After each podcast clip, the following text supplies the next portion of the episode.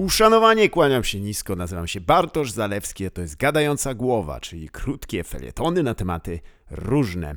Dziś wiecie, co mówi się o krwi arystokratów. Dokładnie, że zbyt mało przelano jej na początku XX wieku, przez co Polska do dziś nie może otrząsnąć się z dziedzictwa pańszczyzny, zadufanego wywyższania się i tendencji do ubierania się jak wyjątkowo bogaty śpioch. No i że jest też y, błękitna. Oczywiście to nie jest prawda, po prostu skóra próżniaków jest blada i na jej tle żyły się bardziej odcinają. Opaleniznę kojarzyliśmy raczej z ludźmi pracy, a jak wiemy z niezliczonych i niezwykle zabawnych memuszków, szlachta nie pracuje. Jak widać kiedyś stygmatyzująca była praca, a teraz jej brak. Z czego jasno wynika, że za antagonizowanie społeczeństwa odpowiada Przemysław Gacek i jego banda złoczyńców z serwisu pracuj.pl. Te, Gacek, sam se pracuj.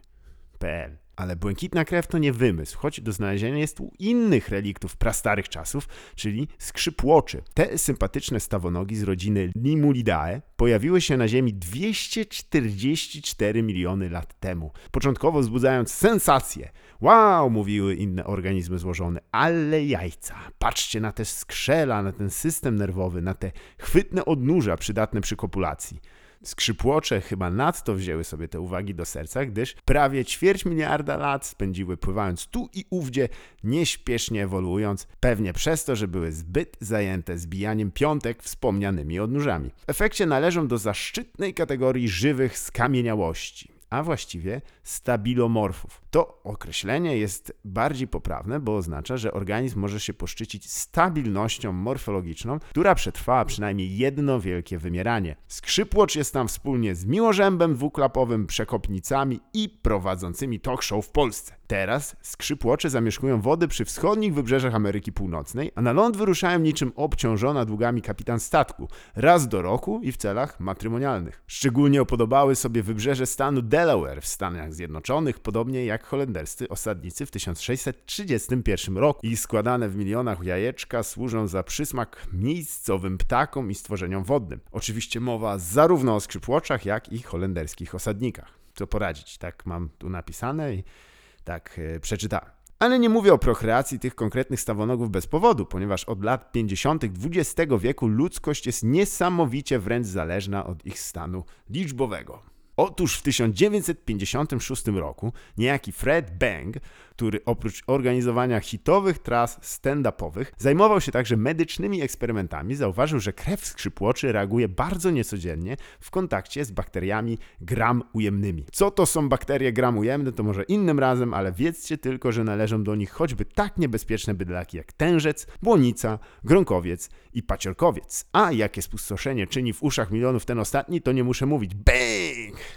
To jeszcze jeden żart z tej serii, bo nie strzymie.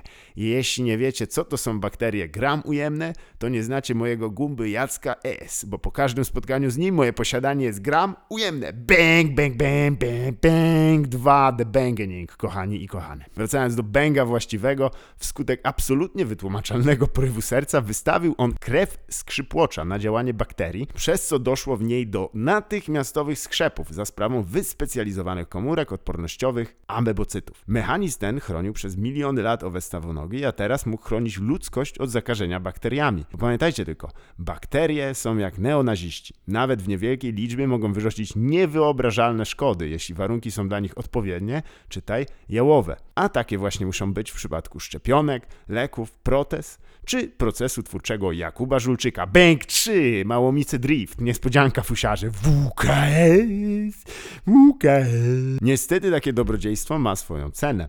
Co roku pół miliona skrzypłoczy jest odławiane i w horrendalnym odtworzeniu scen z każdego filmu o współczesnych wampirach drenowane z limfy. Co prawda potem wszystkie wypuszczane są z powrotem, no ale wiele z nich nie przeżywa tej operacji. A bądźmy szczerzy, otrzymana czekolada za taką śmierć nie jest wystarczającym zadośćuczynieniem dla żadnej rodziny.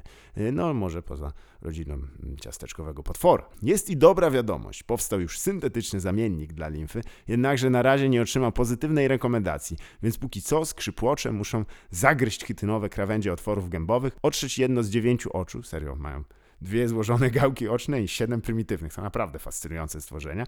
I rozmnażać się licznie.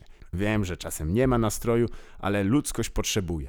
Dokładniej Potrzebuje waszej dziwacznej niebieskiej limfy, kosztującej po 60 tysięcy dolarów za litr. Serio, to tyle kosztuje, bo test na wykrywanie groźnych bakterii w produktach medycznego zastosowania dosłownie ratuje miliony ludzi rocznie. W odróżnieniu od, tu wstaw, kto ci się tam nie podoba, który miliony ludzi rocznie skazuje na potępienie. Bank 4. Prawdziwy bank był w nas przez cały czas. Konkludując ten odcinek, obdarzone błękitną krwią skrzypłocze w przesadnie skomplikowanej metaforze nie będą należeć do pieniackiej i zbijającej bąki arystokracji, ale do cierpliwego proletariatu, którego to krew jest przelewana za dobro ludzkości. Bo bez tworzonych na jej bazie testów nie powstałyby miliardy leków, protez, a przede wszystkim szczepionek, z tą w dzisiejszych czasach najsłynniejszą włącznie. Tak więc, gdy dostaniesz długo wyczekiwane dziabnięcie, do którego z całego serca zachęcam, zmów słowo podziękowania dla skrzypłocza, dzięki któremu może uda nam się pokonać COVID-19. Pokonanie neonazistów to już niestety robota dla nas. Miłej środy tej i wszystkich innych.